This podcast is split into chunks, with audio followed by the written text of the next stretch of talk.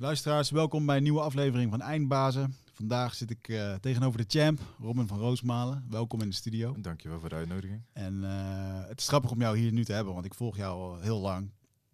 Ehm, omdat ik al lang in het vechtsportwereldje zit. En Mhm. ja, de kleine galaatjes waar je dan voorbij kwam en waar je langzaam naam begon te maken. Hoeveel partijen heb je in totaal gevochten? Ik heb ze niet allemaal bijgehouden, maar ik denk rond de 200 totaal als je Wauw. alles bij elkaar gaat rekenen. Dat is echt gigantisch. Ja. Ja. En eh, vandaag wil ik het met je hebben over, ehm, sowieso voor de luisteraars die luisteren. Eh, het gaat vandaag niet alleen over vechtsport, want ja, wat er na jouw carrière is gebeurd, is nog steeds, nou, het is echt wel een impactvol eh, ding. Je bent je zus verloren in een, Klopt. met een Ja. auto-ongeluk. En jouw carrière, die is ook ja, daarmee Beëindigd. Afgelopen jaar, klopt inderdaad. En ik wil daar nog een soort van voorzichtig mee zijn. Want Nee. komt het ooit nog, dat hoop ik dan. Maar Nee, als ik zou willen, zou... eh, ja, als ik mag kiezen, graag natuurlijk, maar Ja. zoals het nou mogelijk is niet. Dus Ja. ik, eh, ik hou me daarbij. eh, je hebt een mooi boek geschreven, Pokerface, wat ook jouw eh, nickname is. Ja. En omdat je geen emoties toont tijdens het vechten. Ja, en ik denk dat er voor de luisteraars heel veel levenslessen te halen zijn uit wat jij allemaal hebt meegemaakt. Want, ja, ik kan het je nu alvast zeggen, mijn petje af voor wat je hebt doorgemaakt en hoe je, daar, hoe je daaruit bent gekomen. dankjewel, waardeer ik.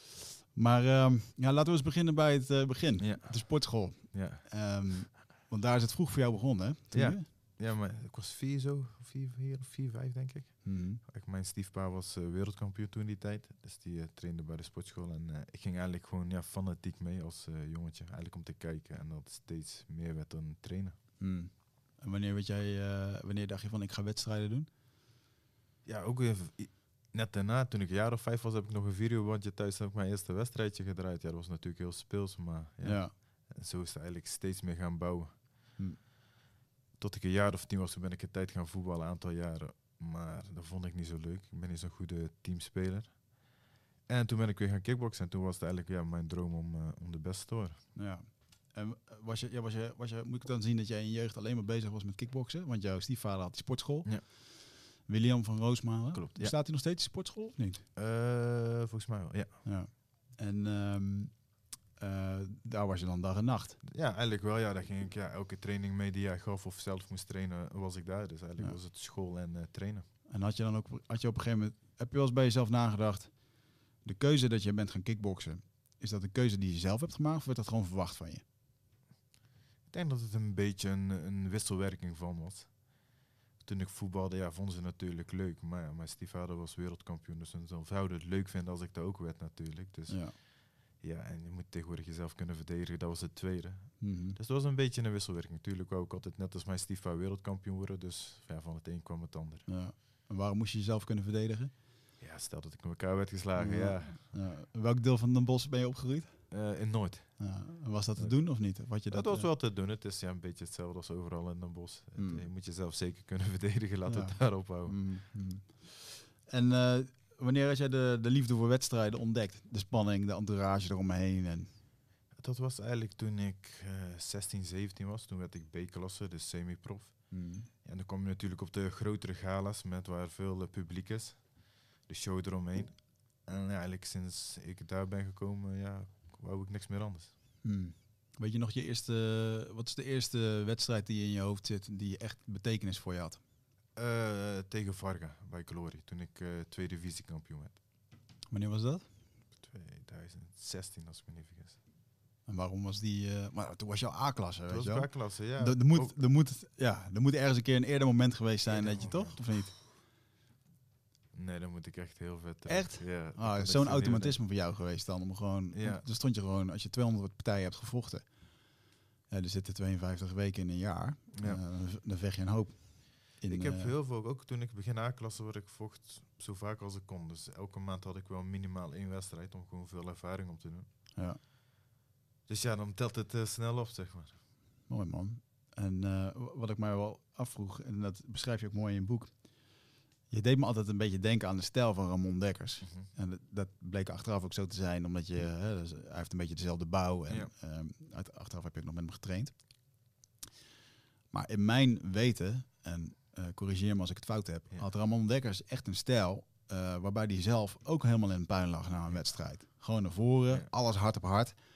En eh, dat is niet gezond, weet je wel. En ja, ik ken Ramon ook in zijn tijd dat hij na het kickboksen was. En dat Ja. hij, volgens mij, kon hij niet meer echt zonder pijnstillers en dat soort dingen. Nee, klopt. Zijn enkels en zo waren eh, Ja. naar de vernieling. Ja. Ja.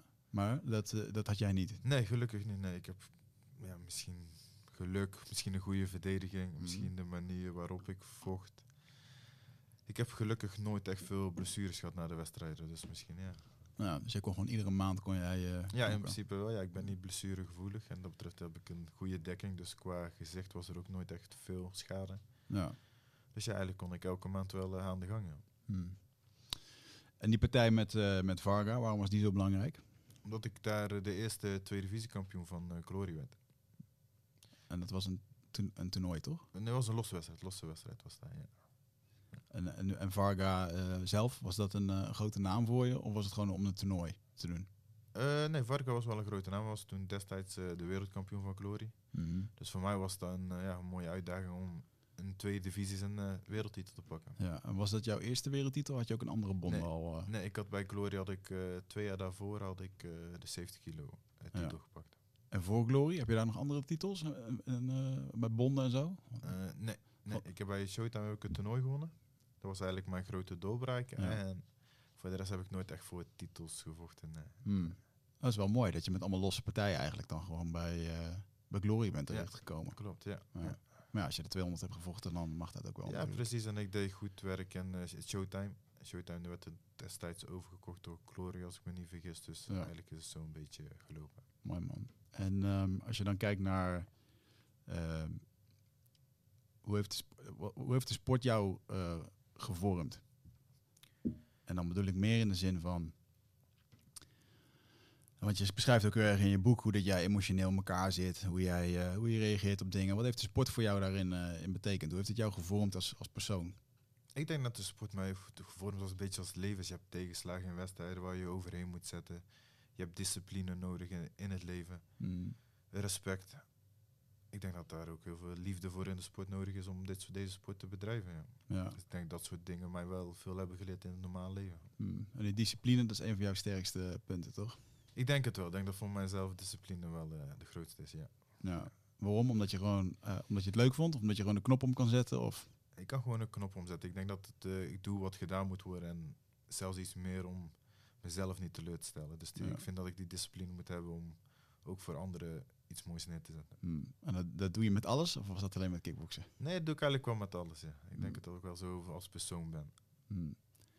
En als je de, kijkt naar de, de tijd hè, dat, je, ehm dat je kickboksen, want ik- moest wel lachen om jouw eerste gage waar je 350 gulden, eh, Ja. gulden kreeg. Ja.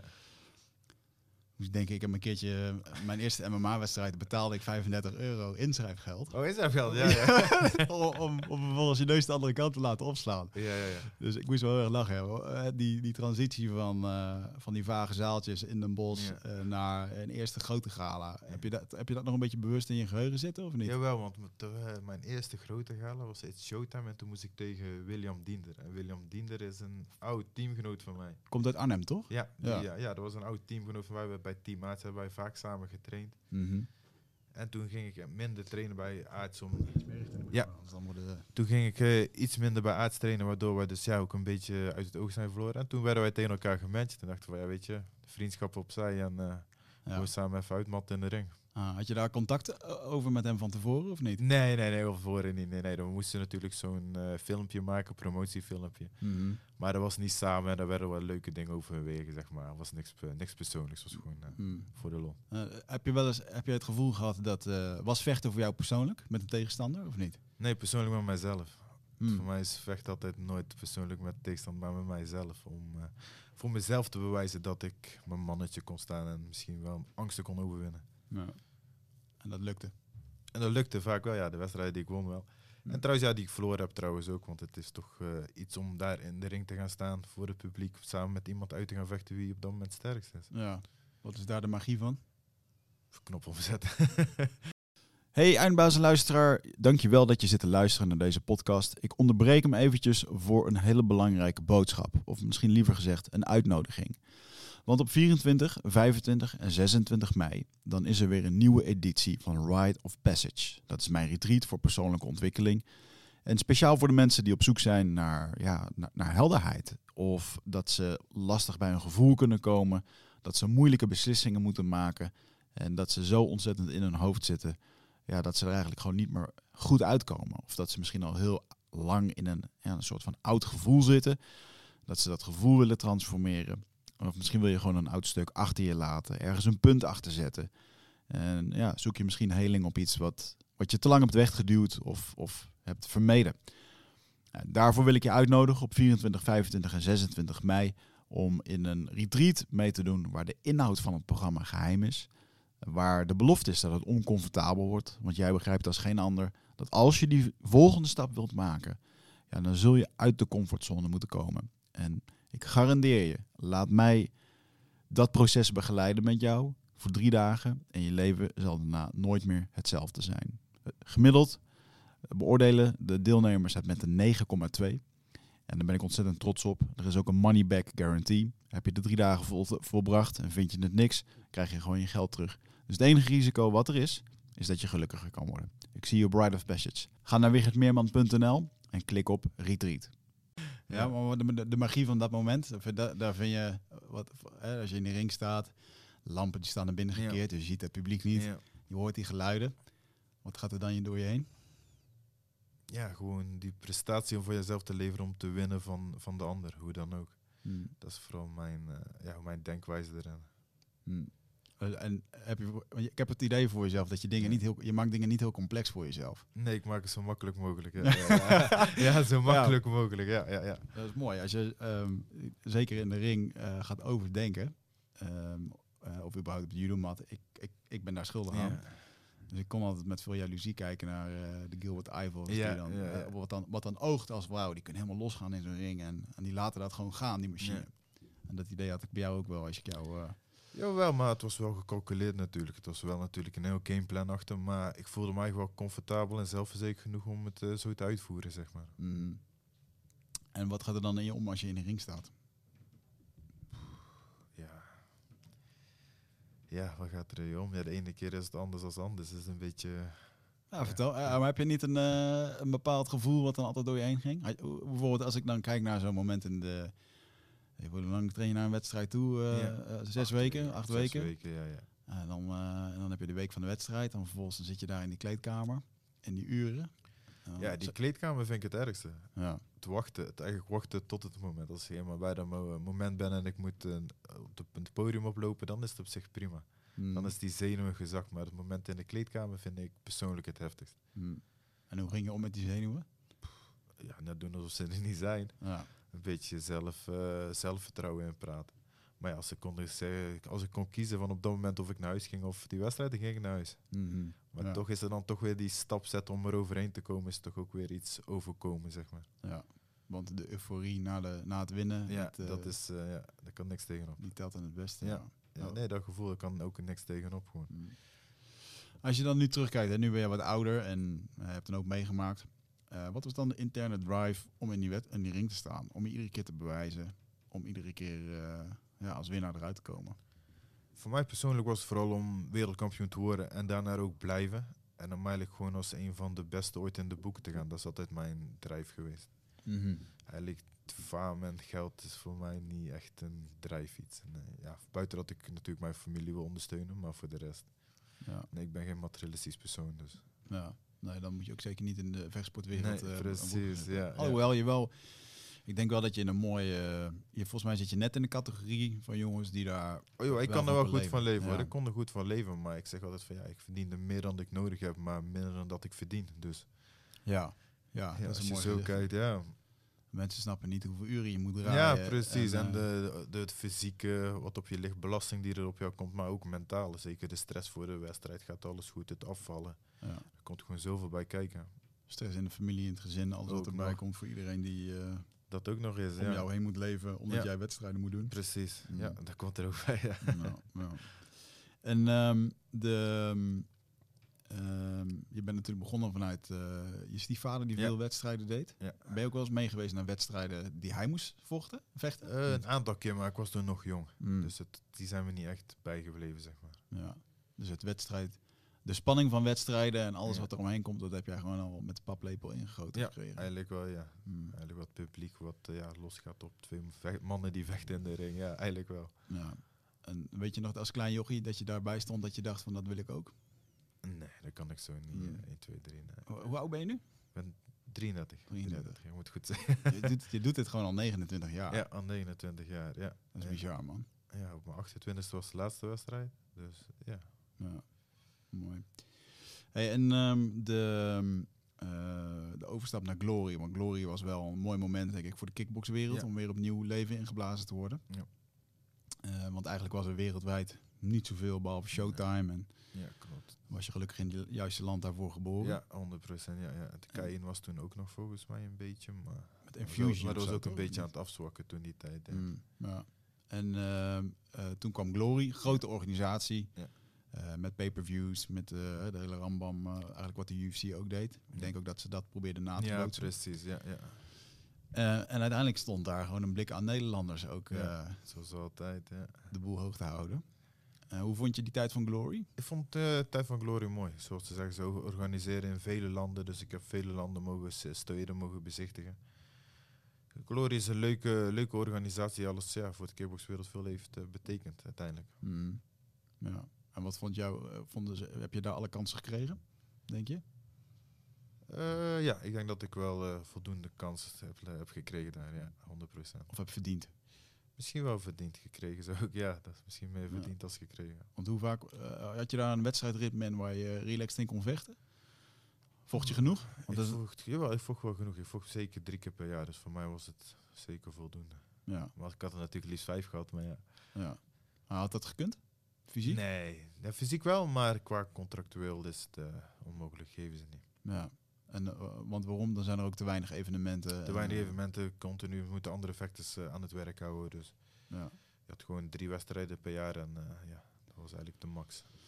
En heb je nog in het wereldje, er komt ook altijd een hoop, ja, hoe zou ik het zeggen? Een stukje oneerlijkheid, hè? Met zo'n bond moet kiezen tussen wedstrijden.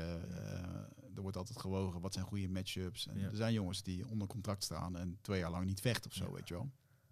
Heb je die oneerlijkheid ook ervaren eh, ergens daarin? Eh, nee, ik moet heel eerlijk zeggen, nee. nee. Ik heb altijd met elke organisatie waarvoor ik heb getekend, heb ik altijd gewoon netjes mijn wedstrijden kunnen draaien die ik wou. Dus nee, Hmm. ik heb daar hey, gelukkig. Gewoon lekker aan de bak Ja, gekund en ja, eh, ik heb niks daarmee. nee. kunnen knokken. En dat moment bij, bij Glory, als je dan terugkijkt naar een aantal momenten die voor jou veel betekenen. Ja. Varga was er dan één. Varga die- was er één. eh Andy Risti, omdat ik de eerste wedstrijd verloor en de tweede won. Mhm. En dan heb je natuurlijk. En waarom verloor je die eerste dan? eh, was het toernooi voor hem? Ik verloor in de finale. Hij was beter die avond. Mhm. Heel simpel. We hadden beide één wedstrijd gevochten en eh, de tweede was hij gewoon beter. Ja. Ja, het is Ja. heel simpel. Ja, Ja, het kan heel simpel zeggen, zijn. ja. Ik had meteen gestoten op hem, maar nee, hij was gewoon beter. Als ik een wedstrijd verlies, is dat gewoon omdat diegene beter is die avond. Simpel. Mhm. En daarna, aan de mooie momenten bij Glory. Eh, ja, ik denk dat dat wel mijn drie hoogtepunten zijn. Varga, Risti en dan ja, mijn eerste wereldtitel die ik daar won eh, tegen David Kieria. Mhm. Ja. Ja. En mijn partij, ik zat nog een partij bij met, eh, hoe heet hij? African Warrior. Chris. Chris Nagimbi, ja, Ja. ja, ja. Dus die, dat was het Showtime was dat. ja dat, volgens mij heb ik dat live gezien. Dat was in Nederland, toch? Eh, Het was in. Brussel, was een toernooi. Het was toen eh, drie wedstrijden op één avond. Volgens mij heb ik dat wel gezien. Ja. Chris staat mij heel erg bij dat hij toen ook echt een opkom, opkomende vechter was. Die Ja. hard, hard aan de weg aan timmeren Klopt, was. ja, Chris was toen nog volgens mij het Showtime wereldkampioen toen die tijd. Ja, Ja, toen ik tegen hem moest. Ja. mooi. Hey, en ehm, ja, dan gaan we gewoon naar het, wat daarna kwam. Ja. Ehm, en dat is eigenlijk waar je de laatste jaren veel mee bezig bent geweest. Ehm, en ik zat net eventjes film te kijken met, eh, met Luc, onze Ja. regisseur, over... eh, je hebt een auto-ongeluk gehad. Ja. Ehm, en ik zou je zeggen dat ik exact op die plek eh, ook een auto-ongeluk heb gehad. Oké, ja. Ehm, en, natuurlijk, ja, dat- Ja, is toe. toevallig, ja, het is gewoon toeval, weet je wel. Dus iemand die reed bij mij voor, die trapte op de rem, het was glad, die reed daar de sloot in. Oh shit. Exact op die plek waar, Ja, ja, eh, oh. waar ik dat zag. En eh er lag ijs. En vervolgens reed ik ook mijn auto eh totaal los. ja, ja. ja. Maar goed, dat is even een raar bruggetje naar waar we naartoe willen. Ehm, eh, maar wat een verhaal, man. Ja. We- ja, misschien wil je zelf vertellen wat er, wat er gebeurde. Ja, die dag, ja, ik was eigenlijk onderweg met mijn zusje samen om voor haar een nieuwe auto te halen. En ik laat haar eigenlijk nooit rijden. En dit was de eerste keer in, ooit denk ik waarschijnlijk. Ja. Ik dacht van, weet je, we gaan haar auto ophalen. Je mag zelf rijden. Ik had geen zin, ik was moe. En ja, onderweg eh autopech. Dus we zetten hem netjes langs de zijkant. We bellen ANWB. We wachten buiten, want het was koud. Het was januari, het was min 3 geloof ik. Maar we hadden geen jas, omdat we dachten, we gaan even snel auto halen. Terug, klaar. Dus na 20 minuten wachten zijn we eigenlijk bij de auto gestaan, omdat het zo koud was. Melissa had het koud, dus eh, toen ging ze in de auto zitten. En ik ben daarnaast naast gaan staan. Toen waren we eigenlijk aan het praten over hoe wij altijd dit soort pech hebben als we een nieuwe auto gaan halen, dat deze dan kapot gaat. Mm. En uit het niks worden wij eh, geraakt door een vrachtwagen. ja. En ja, bij uh, bijkomen, zou ik maar zeggen, zie ik mijn zusje daar liggen. En ja, die was op dat moment al overleden. Nou, dan hoorden wij naderhand ja, ambulances, trauma, helikopters die alles regelen. Ja. Dus het was één grote chaos. ja, man. En eh jij zelf, jij werd wakker op de grond. Ja. En eh, je, bij jou was, je, je, wat was het, je bekken was Mijn losgescheurd? bekken zijn uit elkaar gebroken. Ja. Ja. Het is eigenlijk zo van, eh, ja, ik zag mijn zusje liggen, dus ik wou eigenlijk naar haar toe lopen. Mhm. Maar na drie, vier stappen klapte mijn bekken gewoon uit elkaar, zeg maar. Dus dat was niet meer mogelijk. Wauw. En, en is, dat, is dat nog een helder moment voor je? Of Ja. is dat een soort van blur wat... eh, nee, dat is allemaal heel helder. Ik heb alles gewoon echt letterlijk heel helder meegekregen. hmm. Dus daar heb ik ook traumatherapie voor. Dus vandaar dat ik er nou gewoon aan kan denken, maar het prima is. Ja, nou, daar komen we straks wel even op hoe je dat, eh, hoe je dat hebt gedaan. Dat is wel interessant. Ehm, zeker ook wat het voor je heeft gedaan daarin. Ehm, eh, hoe kwam het dan dat jij werd, weg, werd jij geraakt door de vrachtwagen? Of werd je zelf door geraakt de... op mijn heup door de vrachtwagen, ja. Hmm. Ja. En hoe hard reed die? Met hoeveel 80. kilometer? 80 km per uur, ja. Wauw, dat is echt wel hard. Ja. Kwam uit het niets voor jullie. Gewoon uit het niks, ja, we stonden op vluchtstrook. Het was echt een heldere dag, weinig verkeer. Dus het was eigenlijk ja, niet echt iets waarvan je kan zeggen van... Ja. Andere auto's hebben het ook gezien wat ik naar de rand heb gelezen. Dus Mhm. ja, het was een beetje... Het is nog steeds allemaal nog heel onduidelijk. ja, dat is nu twee jaar geleden. Ja, twee, ja. En toen lag je daar op het gras. Eh, kon je niet meer verder lopen. Nee. En daar ging het licht uit, ook voor jou toch? Dat Nee, je, ik ben alles, eh, alles bijgebleven, ja. Je bent gewoon helemaal helder gebleven, ook in de ambulance rit Alles, ziekenhuis. ja. En hoe heb je dat ervaren? Ja, het was raar natuurlijk. Eh, je ziet natuurlijk eh, van allerlei dingen aan je zusje eh, gebeuren. Reanimatie, pompjes hier, daar, zo, zo. Trauma-helikopter die arriveert. Dus ja, toen wist ik dat het gewoon serieus, serieus was. Ja. Ja, en de, in de rit eigenlijk naar het ziekenhuis... ehm, ja, vraag je continu eigenlijk aan die ambulancebroeder van... Ja, hoe gaat het met mijn zusje? Hoe gaat dit? Want ja, ik voelde mijn benen niet meer. Ik zeg, ja, hoe, wat moet ik daarmee?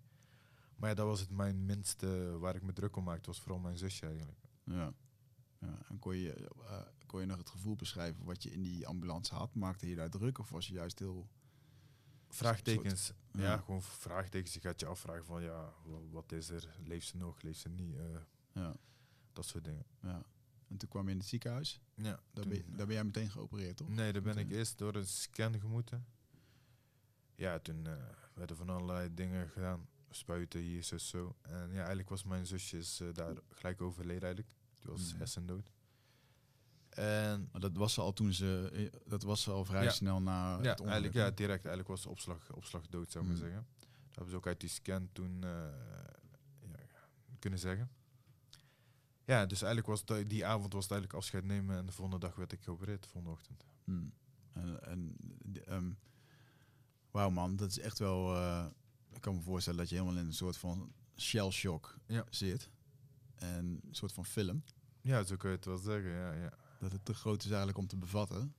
En eigenlijk terwijl je over iets anders aan het nadenken bent, eh, moet je ook nog zelf helemaal onder het mes. En, eh, Precies, ja, het zijn gewoon twee dingen gewoon wat samenkomt. Je bent natuurlijk, maak je druk om jouw eigen eh, lichaam, van wat kan ik nou eigenlijk nog? ja, En dan heb je ook nog de, ja, het verwerken van jouw zusje die overleden is. ja. Maar daar had je helemaal geen tijd voor in die 24 uur natuurlijk. Ik had helemaal nergens tijd voor. Ik was ook helemaal nergens mee bezig. Ik, was, ja, ik wist niet zelf waar ik mee bezig was, zeg maar. Ik was aan het wachten op de operatie, maar tegelijkertijd ook met mijn zusje. Ja. Dus ja, dat was Ja. te, te veel. En toen, ehm, eh, je beschreef in je boek ook dat de arts best wel eh, eh, helder was naar jou, hè? Meteen Ja, dat je, super duidelijk. Ja, ja. toen je vroeg van "Wa- wat is met mijn zus? ja, hij was super duidelijk. Hij zegt, ja, het is hersendood. we kunnen niks meer voor het betekenen. Jij hebt je bekken gebroken en verschillende wervels in je rug. En jou gaan we morgen opereren. Het was kort krachtig. Ja. Is dat met een reden geweest dat ze dat doen? Ik denk gewoon dat ze jou gewoon zo duidelijk mogelijk alles willen zeggen. Dat je niet twijfels gaat trekken voor wat en zeggen van ja, Ja. ze is hersendood. Maar nee, het was gewoon, ja, ik was eigenlijk best blij mee. Ik ben zelf ook een heel eh, duidelijk persoon daarin. Gewoon, ja. Ja, Dus ja, het is wat het is. Ja. precies.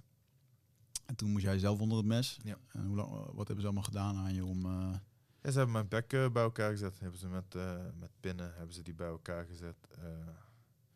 Hoe moet ik dat dan zien met je bekken? Want je bekken, dat is een soort kom, toch? ja, zijn kom twee kommen die tegen elkaar zitten en die waren uit elkaar Oh, wauw. gebroken. Dus ja, dus die hebben ze dus weer eh, bij elkaar gezet.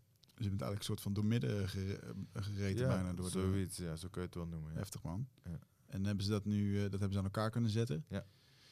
Toen werd je wakker. Ja. En toen begon er eigenlijk een heel ander circus van... Ja, jij moest herstellen. Ja. Je zus werd begraven. En als je daar nu op terugkijkt...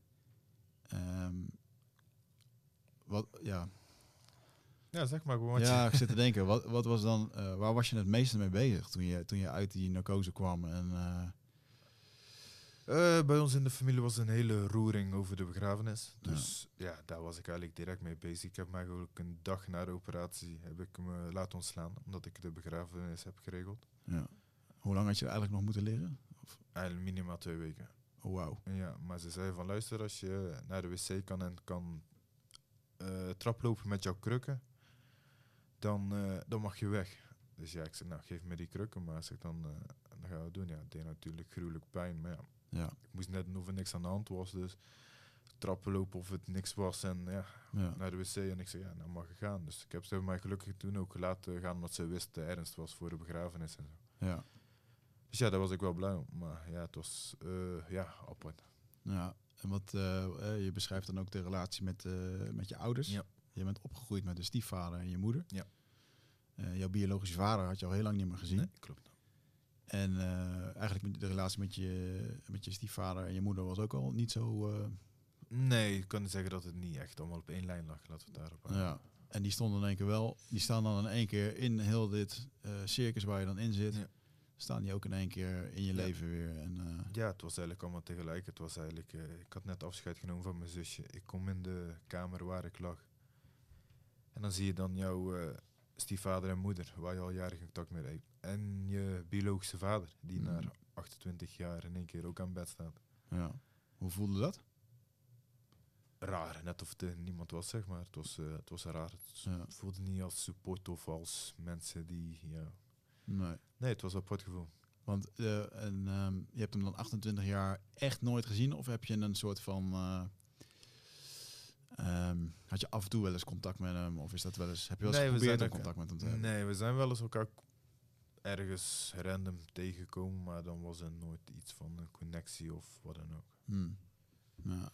En daar in dat moment ook niet. Maar ja, nee, nee. Ik kan, kan me wel voorstellen dat jij een soort van gevoel had van oké, eh, Melissa is ook onderdeel van hun leven geweest. Eh, ik, ik laat het even zo. Oh nee, ik laat zo. Ik heb ook iedereen gewoon erin betrokken zoals het kon. Ja, Dus daar opzicht heb ik wel, maar wel met een beschermd iets voor mijn zusje. ja, ja. Want ik heb de begrafenis en alles gedaan zoals zij zou willen. Dus. En daar heb ik echt heel eerlijk gezegd ook niet naar veel mensen gekeken wat hun inbreng erin was. Nee. En eh, had je dit wel eens besproken met Melissa over hoe ze begraven zou willen worden? Nee, maar ik, ja, zoals zegt Melissa en ik waren twee handen op één buik. Dus Ja, Dus ik kon wel goed weten van wat zij zou willen. ja. Ah, dat lijkt me moeilijk, man. Dat je, wat, is nog, wat is een moment dat je eh, onwijs koestert, eh, eigenlijk net voordat, ze, voordat dit gebeurde met haar? Ja, wat niet. Ja, ik kan me voorstellen dat... ja, eh, het is eigenlijk ja, wat niet. Vooral ja, misschien dus dat iets de- bijgebleven is. Iets wat De liefde gewoon die wel, de support die er was. eh, Die, zoals zij beschreef, eh, onvoorwaardelijke liefde. Ja. Dat is wel een van die dingen wat voor mij eh, het belangrijkste is. Ja, dus eigenlijk iets. Ja, dat merk ik ook heel erg in je boek. En ook met, je, eh, met het benoemen van de mensen uit de vechtsport zit een hoog loyaliteitsgehalte bij Ja. jou eh, waar je waarde aan hecht. Ja, zeker. eh, Nee, 100 procent. ja. Ik vind eh, respect, liefde, loyaliteit zijn wel mijn belangrijkste dingen. ja. Juist omdat je die misschien niet altijd ervaren hebt vroeger. Ja, precies. En ook omdat ik voor mezelf het beter wil doen als voorbeelden voor mij. Mhm. Ja. Want je hebt voor jezelf goed gezien hoe dat je het eigenlijk niet wil. eh, precies, ja, dat wel, ja. 100 procent. Ja. Mm, ja. En die, eh, ehm, die begrafenis die, die was toen, Ja. eh, door, in coronatijd. Ja. Dus volgens mij had dit een heel, heel groot iets kunnen zijn als dat er niet was geweest. In de zin van dat er heel veel mensen waren komen Jawel, kijken. maar gelukkig hebben wij, van, eh, hebben wij een walkthrough kunnen doen. Dat mensen Ah, ja. konden langslopen op coronaregels zonder of met dat ze afscheid konden nemen. Dus dat was, eh, ja, was wel fijn Ja. om te doen. Er waren heel veel mensen op afgekomen. Dus dat was wel fijn om te zien dat ze geliefd was. Ja, En bij de, op de begraafdag zelf, eh, het was net toen in die strenge, net voor het strenge corona. Dus we mochten nog 100 eh, personen op de begrafenis zijn. ja. Maar ik kan me ook wel voorstellen, en dat eh, beschrijf je ook wel aardig, dat iedereen wil er afscheid van nemen. Weet je, ook mensen die je niet kent, mensen Ja. die je wel kent. En, op een gegeven moment komt er ook een soort van punt, oh, ik wil er zelf even mee zijn. Precies, Dat, ja. ja, dat, ja. dat beschrijf je zelf ook in, eh, in dat boek. En. Kan je dat moment nog terughalen dat je daar, eh, volgens mij in je rolstoel, eh, dat je daarbij zat? En heb je daar voor jezelf, een soort, heb je daar genoeg tijd gehad voor jezelf om, om afscheid van het kunnen nemen op dat moment? Als ik terugdenk, nou niet. Maar op dat moment was het voor mij wel voldoende om te doen wat ik wou doen, zeg maar. Ja, Als ik nou terugdenk van ja, dan had ik het anders gedaan. Had ik sowieso alles anders gedaan. Maar ja, wat, ja? op dat, moment, op dat moment voelde het goed, dus dat, daarom heb ik het ook zo gedaan. Dus ik sta er nog wel steeds achter. Maar Ja. ik had misschien wel meer tijd voor mezelf moeten pakken in plaats van eh, continu met iemand anders behoefte bezig zijn. Ja, maar ja, ja ik, ik voelde wel de druk in je broek van je, je, je wilde dat graag zelf doen, omdat jij, ja, jij was de enige die wist wat er echt in haar omging. Precies, Ja, omdat dat ik, klopt. ik wou gewoon graag de regie houden, omdat het anders gewoon niet zou worden wat zij niet wou. Dus Ja, het was een beetje, het was een beetje beschermen van of politieagent spelen tussen, ja, tussen iets wat ze eigenlijk niet zou moeten zijn, zeg maar. ja. ja, dat is moeilijk man. Moeilijke tijd om daar eh, in te Jawel, het manoeuvreren. was moeilijk, maar als ik nou terug ben ik wel blij met de dingen hoe, hoe het, het is gegaan, zeg maar. Ja? Ja. Waarom? Omdat ik denk dat het wel is zoals zij zou willen. En als ik het gedaan had zoals anderen het zouden willen, dan nee, Mm. ik denk dat het dan heel kwaad op mij was geweest. nee. Ja, oké. Ja, je, hebt het dan even, je hebt het dan over de begrafenis, hè? maar Ja. inderdaad ook de... Kijk, na zo'n moeilijke periode, dan is twee weken is het echt een soort film. En daarna begint de realiteit een beetje in te Ja. dalen. En ehm, dan kom je in één keer te zitten met eh, je lichaam dat niet meer lekker werkt. Eh, je bent eh, je- ja, je zus verloren. Ja. En hoe voelde je je toen? Wat kwam er toen in je op? Ja, er zijn, ja, het zijn eigenlijk allemaal verschillende rouwprocessen die achter elkaar komen. Is wat je zegt, verlies je zusje. Daarna probeer je je lichaam beter te maken, omdat je weer op topsportniveau wil komen. Vervolgens lukt dat niet. eh, mankementen hier, daar. Vervolgens een, eh, had, ik een, eh, had ik een wond om mijn bil wat was gaan infecteren. Dus daar moest ik geopereerd aan worden. Waardoor ik dus ook weer drie, twee drains aan mijn bil had hangen voor de vocht af te voeren. Ja, Dus dat duurde ook weer drie maanden voordat die drains eruit was. Dus dan begin je weer helemaal opnieuw en dan blijft dat proces eigenlijk doorgaan. Dus op dat moment was het ook wel lastig. Want op een gegeven moment heb ik ook gezegd van luister, ja, weet je, het is gewoon, topsport is niet meer mogelijk. Dus toen heb ik ook gewoon echt een streep doorgetrokken en daar ook aan gehouden. ja. Oh, dus die beslissing heb je wel voor jezelf gemaakt. Ik denk als ik zo moet aankloten, dan nee, dan Ja. eh, werkt het niet. Daarvoor Want, ben ik te veel topsporter om. Als ik het einde van jouw boek lees, dan, dan, dan hoor ik daar nog een soort van verlangen van, nou misschien, als het weer kan, dan Ja, doen we het. zeker 100%. En dat boek had ik ook uh, voor dat ik die keuze had gemaakt geschreven. Ja. En eigenlijk na mijn uh, laatste operatie, zeg maar, toen uh, ja, ben ik zo gaan trainen. Maar toen voelde ik zoveel dat die mobiliteit niks meer was zoals het was. De spieren eromheen. Het bewegen, alles is gewoon totaal anders. Waardoor ik voel, ja, deze sport is te gevaarlijk om op 90% te doen. Ja, ja. want je, er zit nu ook nog, er zit er nog gevaar aan jouw lichaam als je te veel doet nu, dat je daar last van krijgt? Of nee, meer het is echt gewoon op gevoel. Zoals uh, de arts ook zei, van ik kan voor iemand van jouw niveau van sporten kan ik niet zeggen wat de procedure is. Dus Ja, het is gevoelsmatig, maar dan ga ik weer kickboksen af en toe. Ga ik gewoon trainen, gezellig, recreatief. ja, Maar dan gaat het even lekker en dan ben ik weer te enthousiast, waardoor ik dus weer twee dagen op de bank lig met pijn. Dus het is, ah, ja, ja. Het is gewoon het lichaam dat Ja, nee zegt. precies, ja. Dus ja, dan moet je dan accepteren en uh, iets anders gaan doen. Ja. Hey, en de, uh, de interne strijd vond ik ook wel interessant dat je dat zei. Die interne strijd van op een gegeven moment zelfs een beetje depressief voelen, Ja. niet meer weten wat je wil. Uh, dat had je al een keer ervaren voordat je nou ja, je staat, een mooi voorbeeld van eigenlijk een jongen die alles bereikt heeft in de sport dat hij Ja. kan bereiken. En dan in één keer ook tot de conclusie komt van ja, is dit het nou? Ja, ja ik miste, miste motivatie. Ik miste iets om uit mijn bed te, te stappen. Iets wat mij triggerde om het beste uit mezelf te halen. En dat Ja. vond ik niet meer in het kickboksen. Ja. Dus door de thuissituatie door mijn stiefvader lag er steeds meer overhoop. Ook de sport gaf mij geen plezier meer. Ja. Dus toen heb ik uiteindelijk de keuze gemaakt om over te stappen naar het, eh, naar het MMA. Ja. Hey Eindmazen fan, dankjewel dat je aan het kijken bent naar deze podcast. En waarschijnlijk ben je bezig met persoonlijke groei. Eh daar ga ik vanuit omdat je deze podcast luistert. Waarschijnlijk omdat je ook boeken leest of YouTube-video's kijkt. Maar als je nou zoiets hebt van Wigert, ik zou graag een keertje de volgende stap willen maken. Dan wil ik je graag attenderen op mijn retreat, Rite of Passage. Een retreat waarbij je drie dagen lang offline bent. eh, waarbij de inhoud van het programma geheim is. En waarbij, het, waarbij je de belofte krijgt dat het oncomfortabel gaat worden. En die oncomfortabelheid die is nodig om te kunnen groeien. Want velen van ons, dus velen van jullie, misschien wel jij, eh, lopen rond met, eh, met oud zeer en hun bagage. Waardoor ehm, de relatie niet lekker loopt, eh, waardoor bepaalde destructieve gewoontes blijven. En wa- waardoor je gewoon geen, niet de volgende stap kan maken in iets. En ik zou je zo graag willen gunnen dat je de volgende stap maakt in jouw geluk, in je persoonlijke groei. En misschien voor, voor jou in je bedrijf of in je carrière. Dat je weet dat je ergens een beslissing in moet maken, maar dat je hem zelf niet gemaakt krijgt omdat je te veel in het hoofd zit. Nou, dat is een van de thema's hier, uit je hoofd in je lichaam.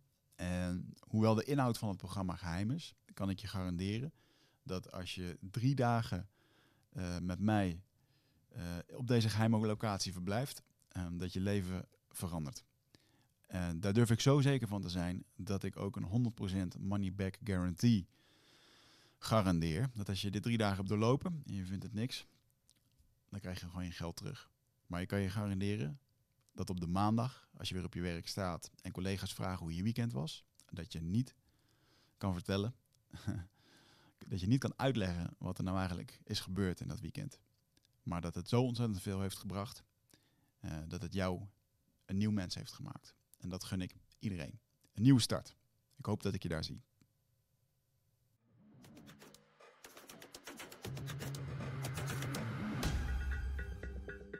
Het programma van Rite of Passage is geheim. En dat heeft een functie, dat heeft een reden. Zodat jij ergens instapt waar het oncomfortabel gaat worden, waar het onbekend is. Want daar ligt juist de grootste groei. Het weekend was eh, enorm eh, confronterend, eh, oncomfortabel ehm, en ontzettend waardevol. Ehm, we hebben dingen in de groep met elkaar gedeeld, ehm, waarbij je eigenlijk ziet dat er best wel veel overeenkomsten zijn in de zaken waar je in je leven tegenaan loopt, waar je mee omgaat, de hindernissen die er zijn. En ehm, vooral de dynamiek en de goede energie van de groep en daarbij ook de hulp aan jezelf. Eh, is iets wat mij verder gebracht heeft en er zeker bij zal blijven. En voordat eh, dit weekend plaats ging vinden, heb ik wel eh, nog even getwijfeld.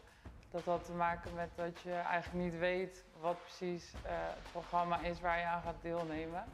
Dat maakt het voor mij wel spannend. Eh, ja, stemmetjes in mijn hoofd namen het wel af en toe over van eh, heb je dit wel nodig, moet je dit wel doen. Maar ik ben toch bij mijn eerste keus gebleven van toen ik me inschreef.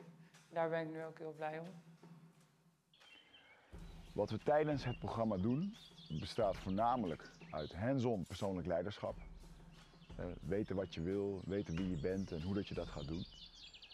En we maken gebruik van dynamische meditaties. En die naam zegt het eigenlijk al, als je het lastig vindt om te mediteren hè, op een kussentje. Dynamische meditaties betekent juist dat je in je lichaam gaat, dat je uit je hoofd komt in dat lichaam. Want in dat lichaam, daar kunnen we voelen. En dat is wat we hier proberen te doen. En voelen doe je niet met je hoofd. De reden dat ik hier aan deel heb genomen is dat ik heel graag wilde gaan voelen. Echt dicht bij mijn hart eh, komen. Ik ben nu 32 en ik heb eh, best wat overtuigingen over mezelf, eh, maniertjes ontwikkeld hoe ik met dingen omga. En ik merk gewoon dat dat mij niet altijd brengt waar ik echt wil zijn. Dus dat was eigenlijk de reden om mee te doen aan dit weekend. Oncomfortabel te worden met mezelf en daarin bij mijn gevoel. Ik heb het weekend ervaren als heel, ehm, aan de ene kant heel intens, eh, intensief, ook confronterend, uh, heel emotioneel. Maar ehm, daarnaast ook ontzettend warm, liefdevol, helend, uh, mooi, prachtig. En ja, dat eigenlijk.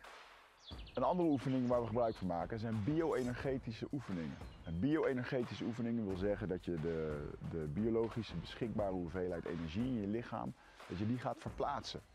En denk dan bijvoorbeeld aan mensen die een depressie hebben, die een burn-out hebben, die vastzitten met verdriet of met woede.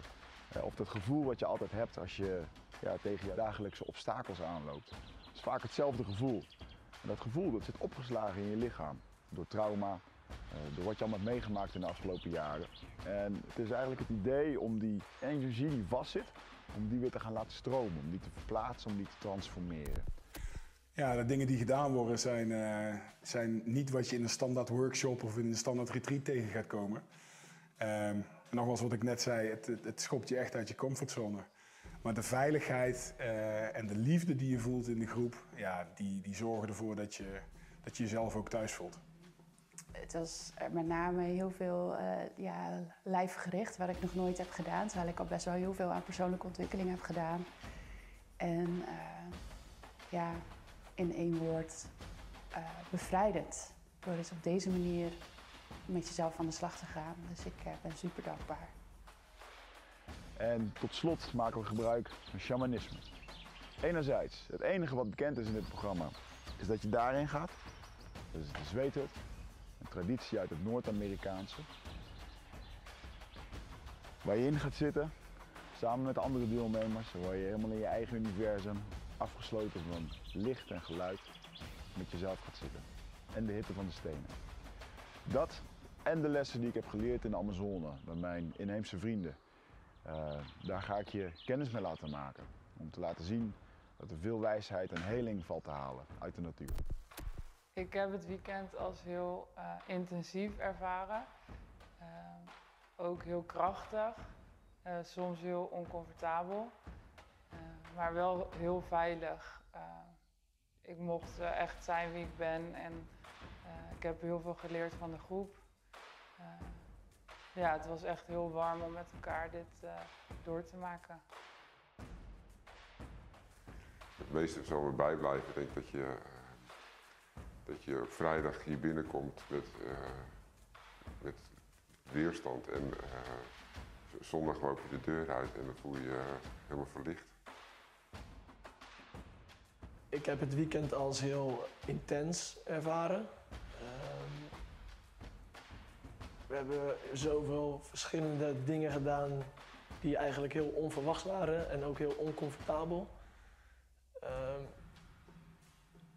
ja, en ik, ik voel echt dat, dat, dat ik hier had moeten zijn. Dus ik, ja, het is echt een geslaagde weekend voor mij. Ik heb het echt als fantastisch ervaren. Eerst heel erg uh, confronterend. Ik vond het ook wel uh, lastig aan het begin om te aarden in de groep. En het ging later veel beter. Voor de rest kan ik alleen maar zeggen, ja, waanzinnig wat je, wat je doormaakt, wat je meemaakt. En wat me het meest bijblijft is dat ik, uh, dat ik weer voel dat ik heel erg trots op mezelf ben. En, uh, dat je met mensen om je heen heel erg uh, mooi kan gaan connecten als je zelf openstelt.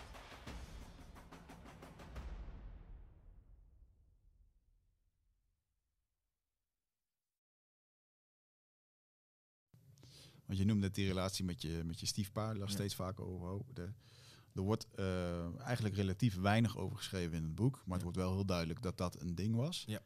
Um, maar kan je dan uh, uitleggen wat je dan. Uh, wat, wat heb je het meest gemist in, uh, in die relatie? Ehm, ja, ik denk dat het dan iemand was, een steunend iemand in goede en slechte tijden. Ik denk dat ook mijn, mijn stiefva een beetje kleinerend was naar mij toe qua mijn prestaties en zo. En dat, nee, dat had ik wel beter gewild. Hmm. En was dat een soort van uh, deed me heel erg ook een beetje denken aan, uh, uh, aan mijn, mijn oldschool trainer Remco, Remco Padoel, die met zijn vader Louis Padoel. En, en Remco kon het eigenlijk nooit goed doen voor hem. Ja. maar ik weet wel dat hij dat deed eh, uiteindelijk, denk ik, uit, uit een, stuk, eh, een stuk liefde. Want hij wi- wil hem, hè, willen hem zien slagen. Ehm, maar het was nooit goed genoeg. Ja. Nee, ik snap, ik snap jouw punt ook. En ik heb daar zelf ook vaak heel lang zo gedacht. Maar op een gegeven moment kom ik ook op het punt van... Het is duidelijk, nou is die support nodig. Ja, en die kreeg je toen niet.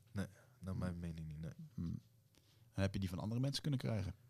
Ja, ik heb zat goede mensen om me heen gehad die mij wel die eh, support, zoals mijn zusje natuurlijk, die, gaf Ja. mij die support was eigenlijk het enige wat nodig had. Maar Mhm. ik heb altijd ook hele goede vrienden gehad. Ik heb al twintig jaar dezelfde de vrienden die mij volledig supporten. Mijn, al mijn trainers die ik toen tijd Hans van Dam, eh, Ron Rovers, Ja. allemaal personen die mij gewoon altijd gesport hebben.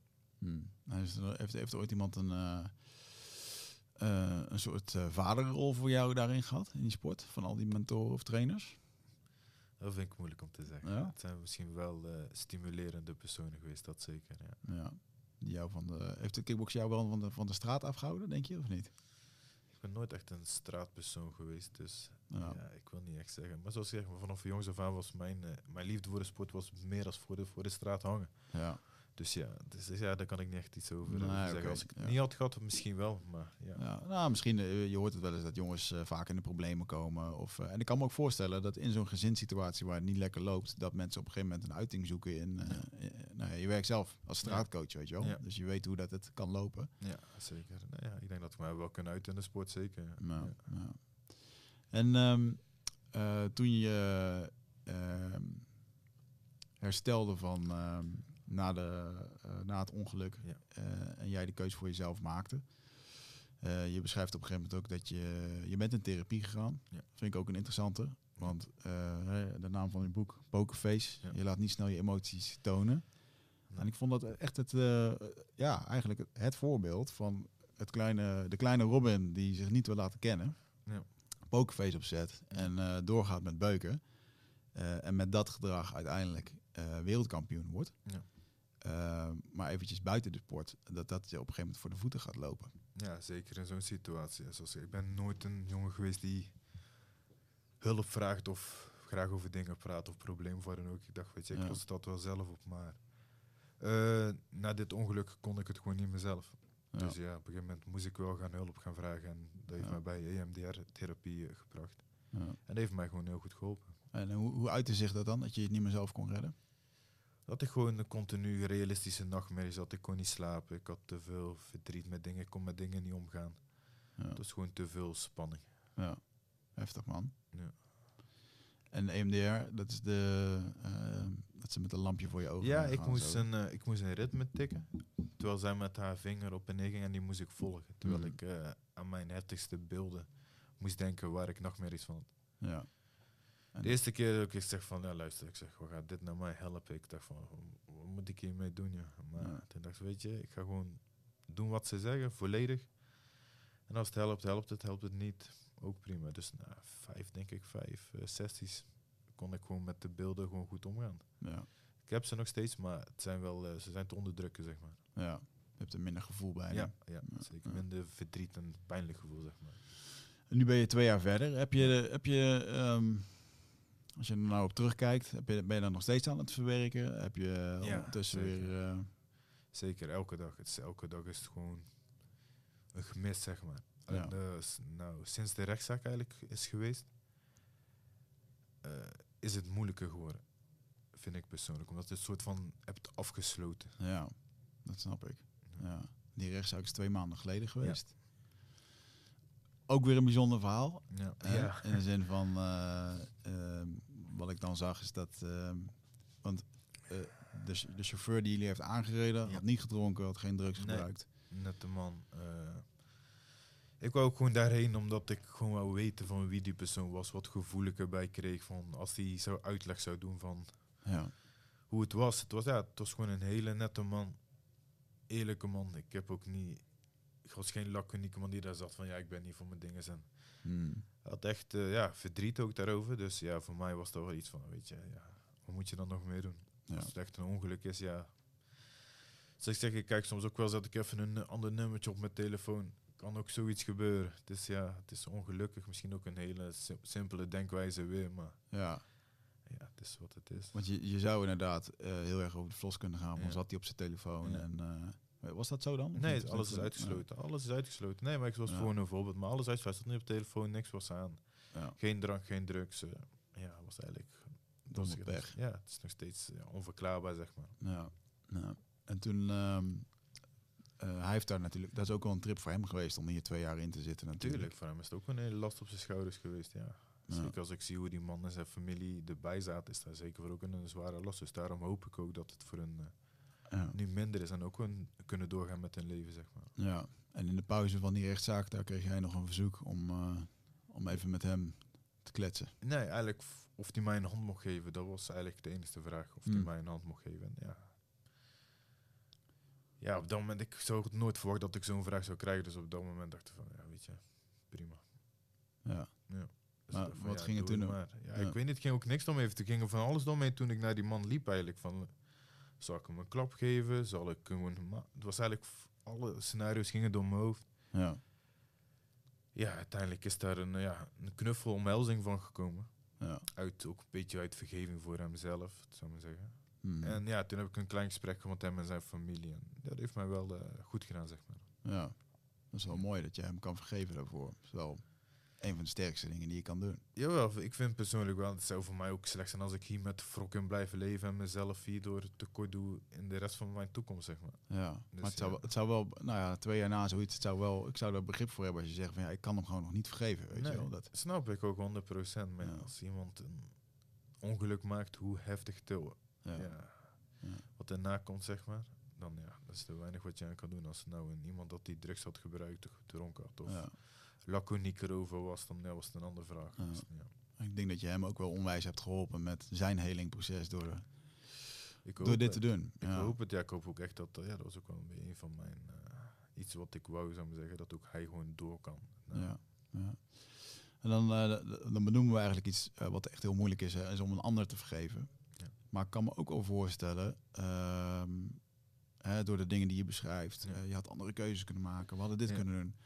Heb, heb je jezelf een beetje vergeven eh, voor de gedachten die je misschien had, waar het aan jou lag? Of, of heb je dat gevoel wel eens gehad, dat, je- dat het jouw Oh, schuld dat heb ik heel vaak gehad. Vooral het eerste half jaar. Mhm. Van, zoals ik ze beschrijf, van de dingen die wij normaal deden, die dit keer niet doorgingen. Van als ik dat wel had gedaan, was het dan vijf minuten later geweest, was het ergens anders gebeurd. Er gaan zoveel dingen door je hoofd, maar uiteindelijk lopen dingen zoals ze moeten lopen. Ja, het is ja, ook het, ja, makkelijk gezegd, maar Ja, het is misschien ook een beetje wat ik me soms wil vertellen om het gewoon makkelijker te maken. Maar ja, ja, er is niks meer wat we hier nou eh, aan kunnen terugdraaien. ja. Maar eh, je bent niet stil gaan zitten, je, bent je hebt er wel je lessen Ook zeker, ik heb hele goede lessen uit gehad. Ja. Eh, wat, wat, is, wat, is de, wat is de grootste les voor je hiervoor die je nu probeert door te geven? Want je geeft tegenwoordig lezingen, je werkt met jongeren. Mijn grootste les is eigenlijk om dag voor dag te leven en te genieten van elk moment. Zoals ik zeg, ik heb van dichtbij kunnen zien hoe het in een seconde in één keer alles weg kan zijn. Ja. Dus dan ga je ook gewoon anders naar het leven kijken, zeg maar. Tenminste, ik dan. Mhm. Dus ik heb wel toekomstplannen, maar daar werk ik dag bij dag bij naar. ja.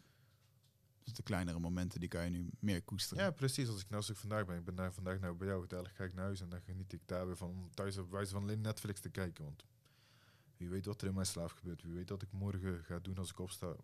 Ja. Ja, ik heb geen idee daarbij. Ja. En heeft dit je ook eh, ehm, enerzijds heel mooi, hè? eh, dat, je, dat je nu van dag naar dag leeft.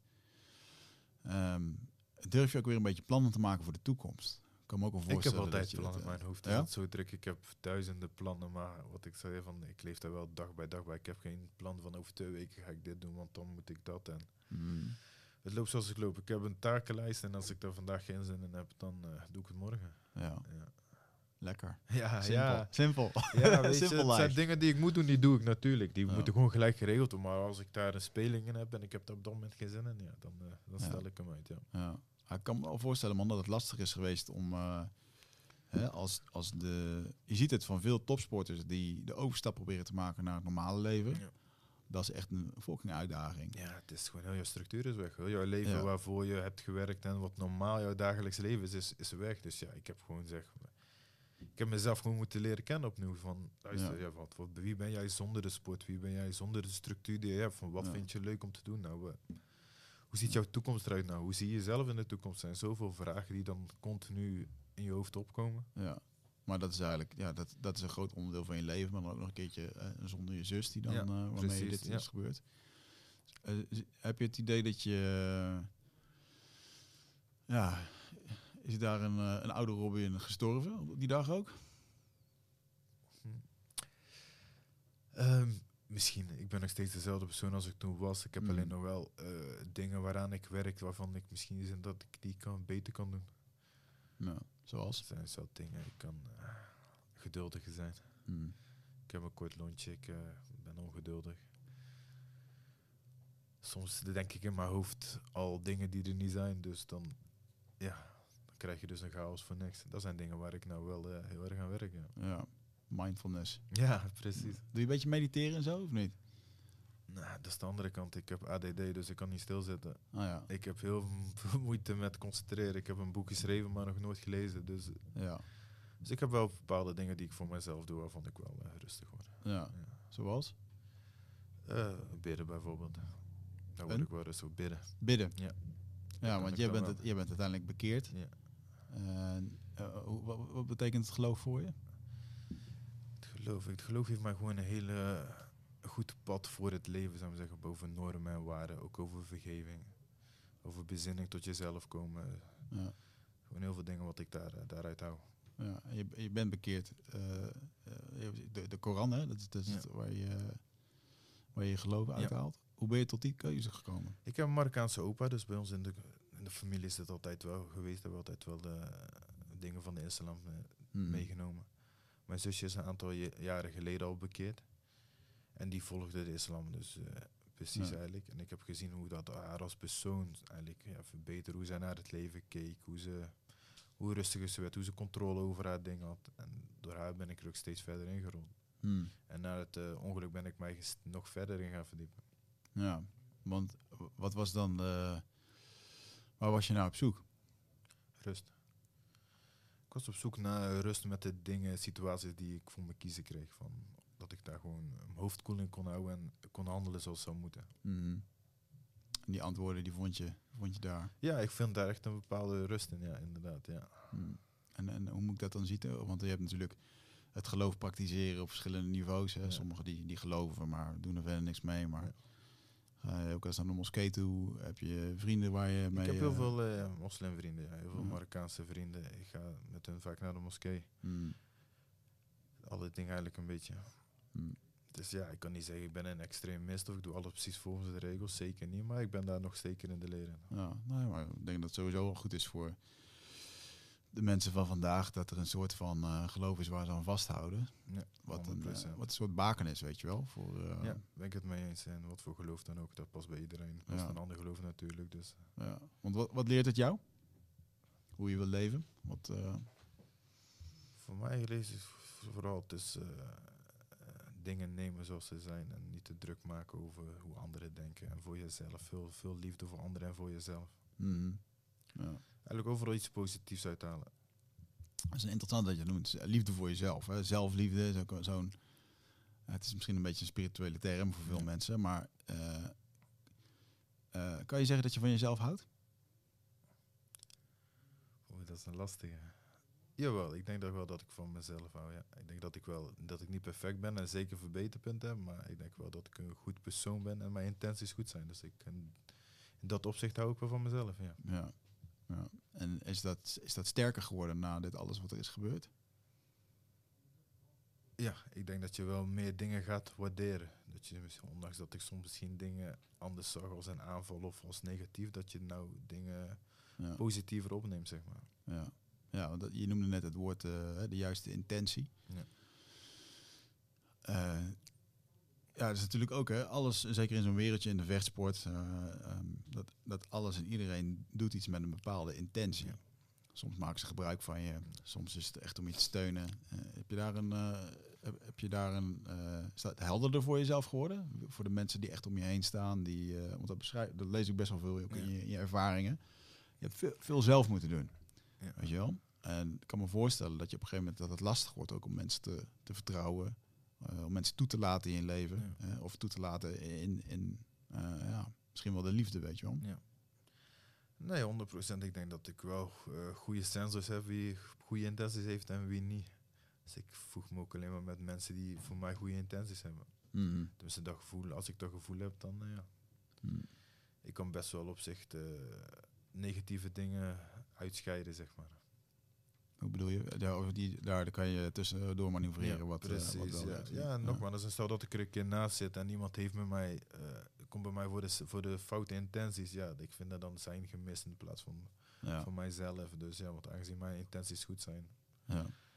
heb ik er weinig last van. Ja. Is het makkelijk om met Robin eh, ruzie te krijgen? Mm, nee, eigenlijk niet. Ik ben denk ik gewoon voor mezelf een hele rustige jongen die zich niet snel druk maakt om dingen. Mhm. Maar als je eraan zit, dan, ja, dan hebben we een goede ruzie. Ja. en, eh, en, en kan ik het ook makkelijk weer goed maken met Robin? Of is dat, je dat moeilijk? ik zeg heel eerlijk, ik, dat eh, van, het zou best kunnen, maar ik ben van mezelf. Dat is ook iets waar ik aan werk. Ik ben super koppig. Hmm. Dus dat is dan weer de andere kant. Ik, zou, ik, ben, ik, kan wel zeggen, ik kan iemand heel makkelijk vergeven eigenlijk, ook met Ja. zware gebeurtenissen, wanneer ik zie dat het goed zit. Maar voor Ja. mijzelf ben ik best koppig, dus ik zou misschien zelf ook wel wat eh, Ja. sneller iets goed moeten maken. Is dat dan trots en eer? Ja, zeker. Hmm. Ja. Ja. Ik ben een best trots persoon, dus ja. Hmm. En waar, waar, kom- waar komt dat vandaan? Eh, ik denk ook vanuit de sport en van het leven, van de situatie dat ik mee heb gemaakt, dat je gewoon eh, ja, je mannetje moet staan. Ja. Dat anders mensen over je heen lopen. ja, dat je het allemaal zelf moet doen. Ja. Ja. Heb, je, heb je het gevoel dat je dat meer en meer kan laten vieren? Dat je steeds meer mensen om je heen hebt die er gewoon voor jou zijn, die met jou dingen willen doen? En, Jawel, ik heb wel het, ja, de laatste twee jaar eigenlijk na het ongeluk heb ik echt wel, zoals ik zeg, heb ik goed een verschil kunnen maken naar mensen die goede intenties hebben en die slechte. ja. En op dit moment ben ik tevreden met de mensen die ik eh, die om me, om me heen heb. Het zijn Ja. allemaal mensen die met mij samen willen bouwen, die eh, water bij de wijn willen doen in vervelende situaties om er samen uit te komen. Dus ja, nee, daar ben ik wel blij mee. Hmm, mooi.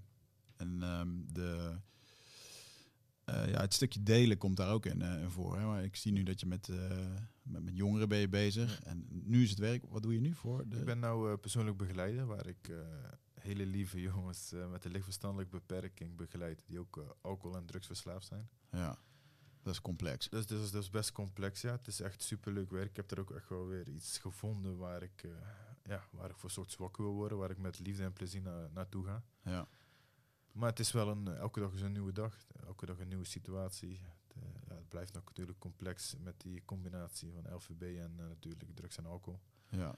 Als je, elke dag is, ja. is met hun een gevecht op, op een goede dag. ja, maar je beschreef dat net hier voor ons gesprek. Dat je, je hebt gewoon met volwassen mensen te maken. Ja. Die het IQ hebben van iemand. Van, Ja, die een lagere keur van, van een kind eigenlijk. Elke dag, elke, elke persoon is natuurlijk ja, verschillend. De een heeft een lager als een hoog, maar het is allemaal kinder-IQ. ja. En daar moet je dan de hele dag, eh, die, moet je, ja, die moet je begeleiden. Begeleiden Dus- maar ja. die kunnen niet voor zichzelf zorgen. Ja, ja, Zou ze je kunnen zeggen. ze, ja, ze kunnen ze aan de ene kant wel, maar ze hebben wel echt begeleiding nodig met de keuzes die ze maken en dingen die ze doen. Mhm.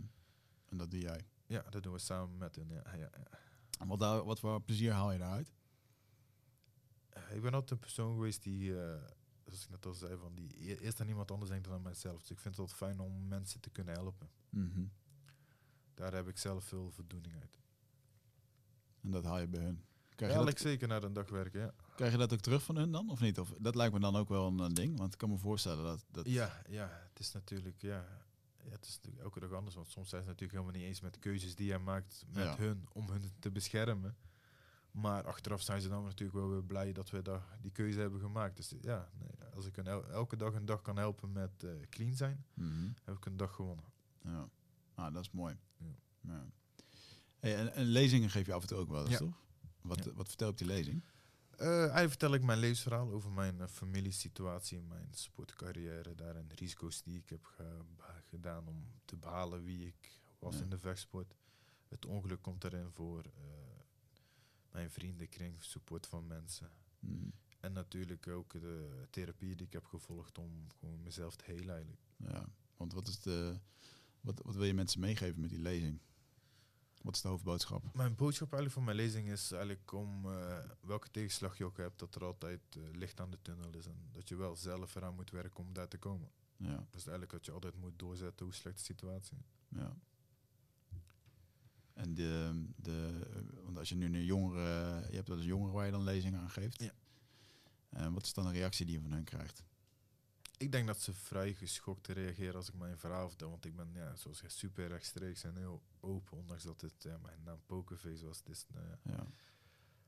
En ik denk, ik zie wel vaak een eh, geschrokken reactie ik zeggen, vanuit hen. Ik heb ook nog geen één lezing gehad waar ook maar één jongere tussendoor praat of afgeleid is. Of ja.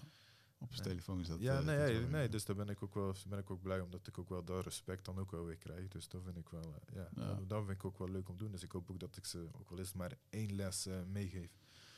Heb ik ze iets meegegeven. Dus dan ehm tricky vraag, maar denk je dat dit uiteindelijk had allemaal, denk denk je dat dit uiteindelijk allemaal had moeten gebeuren, ehm, zodat je nu ehm, kan gaan doen wat je allemaal gaat doen in de komende jaren? Of denk je dat, of is het voor jou meer een, eh, ik doe dit nu omdat ik gewoon het beste ervan ga proberen te maken eh, na dit, na dit hele verhaal? het is eigenlijk een mix van. Hmm. Het is eigenlijk, ik denk dat ik dat dit wel had moeten gebeuren. Om voor mij wel bepaalde richtingen te sturen. Om voor mij ogen te openen wat ik wil en hoe. Maar het is ook het tweede omdat ik eh, niet bij de pakken neer wil gaan zitten. Omdat ik weet van dat zij het ook niet zou willen. Van dat ik heel erg wil lopen janken, gedepressief zou zijn. Maar dat ik juist iets goeds van mijn leven wil maken. Ja, En ook elke keer probeer ik vanuit haar dingen te doen. Zodat zij ook stiekem een beetje bij mij is in, in die reis, zeg maar. ja. Dus eh, je probeert er nog wel echt levend te houden in je... Ja, zeker. Ik probeer elke dag positief te zijn en voor haar om ook een mooie dag te maken. Dus ik weet zeker dat eh, ze het niet tof zou vinden als ik eh, zo heel erg zou lopen janken of niks zou doen. Ja, ja, ja, ergens op de laatste bladzijde van je boek beschrijf je dat, je dat het nog wel even zal duren voordat je die levenslust eh, Ja. weer zal vinden. Oh, ik weet niet of ik het helemaal goed quote, maar iets in die trant. Eh, En, ehm, eh, denk je dat je die levenslust weer hebt gevonden ondertussen? ik ben op weg. Hmm. Ik denk dat ik aardig op weg ben. Ja. Hoeveel procent zit je? Dat is een goe- goede vraag. Ik denk dat ik wel op 60% zit. Hmm. Er zijn nog wel een paar dingen waarvan ik moet zeggen, daar moet ik voor mezelf even, eh, even helen of een weg in vinden. Ja, Voordat ik eh, daar kan zijn, ja. ja. Wat, is, wat is jouw visie op, op eh, heling? Want je noemt het een aantal keer, dat vind ik wel interessant. Wat is de... eh, waar zou, je, waar zou je nog wat heling op willen vinden? En wat, wat is de visie erop? Eigenlijk vooral het verdriet van het gemis, maar dat is natuurlijk iets moeilijks omdat dat gewoon een dagelijks iets is. Het is gewoon een litteken eigenlijk wat niet weggaat. Ja. Maar vooral dat ik weet hoe ik ermee op kan en toch wel het gemis er eigenlijk niet meer is voor mij. Dat is eigenlijk voor mij ja, Hmm. belangrijk. Ja. Ja, Ik ga het je toch vragen, maar ik weet niet of dat ook mag van je geloof en zo. Maar psychedelica, heb je daar wel eens aan gedacht? Wa- Wat is dat zo'n vraag? Psychedelica, dat je, nou bijvoorbeeld, hè, je weet van mijn verhaal dat ik naar die ja, Indianen ja, ja, stond te ja. gaan. Mm. Ik heb bijvoorbeeld de eerste keer dat ik ayahuasca dronk, Ja, eh, heb ik acht uur lang een gesprek gehad met mijn overleden vader. oké. Die twee maanden na mijn geboorte overleden is. Ehm dat is de meest helende avond geweest van mijn leven. Ehm, omdat ik daar in één keer na 30 jaar begreep van ja, eh, yo, waarom jij zo op die mat staat en Ja, ja, ligt te streven en dat succes wil behalen, eh, was voor mij gewoon een soort van, oh shit man, dat komt gewoon uit het gemis wat, ik, wat ik van hem heb, weet je wel. En ehm, ja, dat heeft gewoon mijn perceptie heel erg veranderd op, eh, op dat stuk. Plus dat hij me eigenlijk in die avond, en dat zie je dan en dat voel je dan, ja. Oké. eh, heeft hij me eigenlijk gewoon opnieuw opgevoed. En eh, dat is voor mij een hele helende ervaring eh, geweest. Dus ik, ja, ik vind ik- het wel heel interessant, ik zeg heel eerlijk. Ik heb, ik heb natuurlijk ayahuasca heb ik wel eens gehoord en zo. Ik vind het heel interessant, maar ik durf het niet. Hmm, Ik ben bang om die controle te verliezen en misschien om dingen te zien of te horen of te bespreken die ik helemaal niet wil.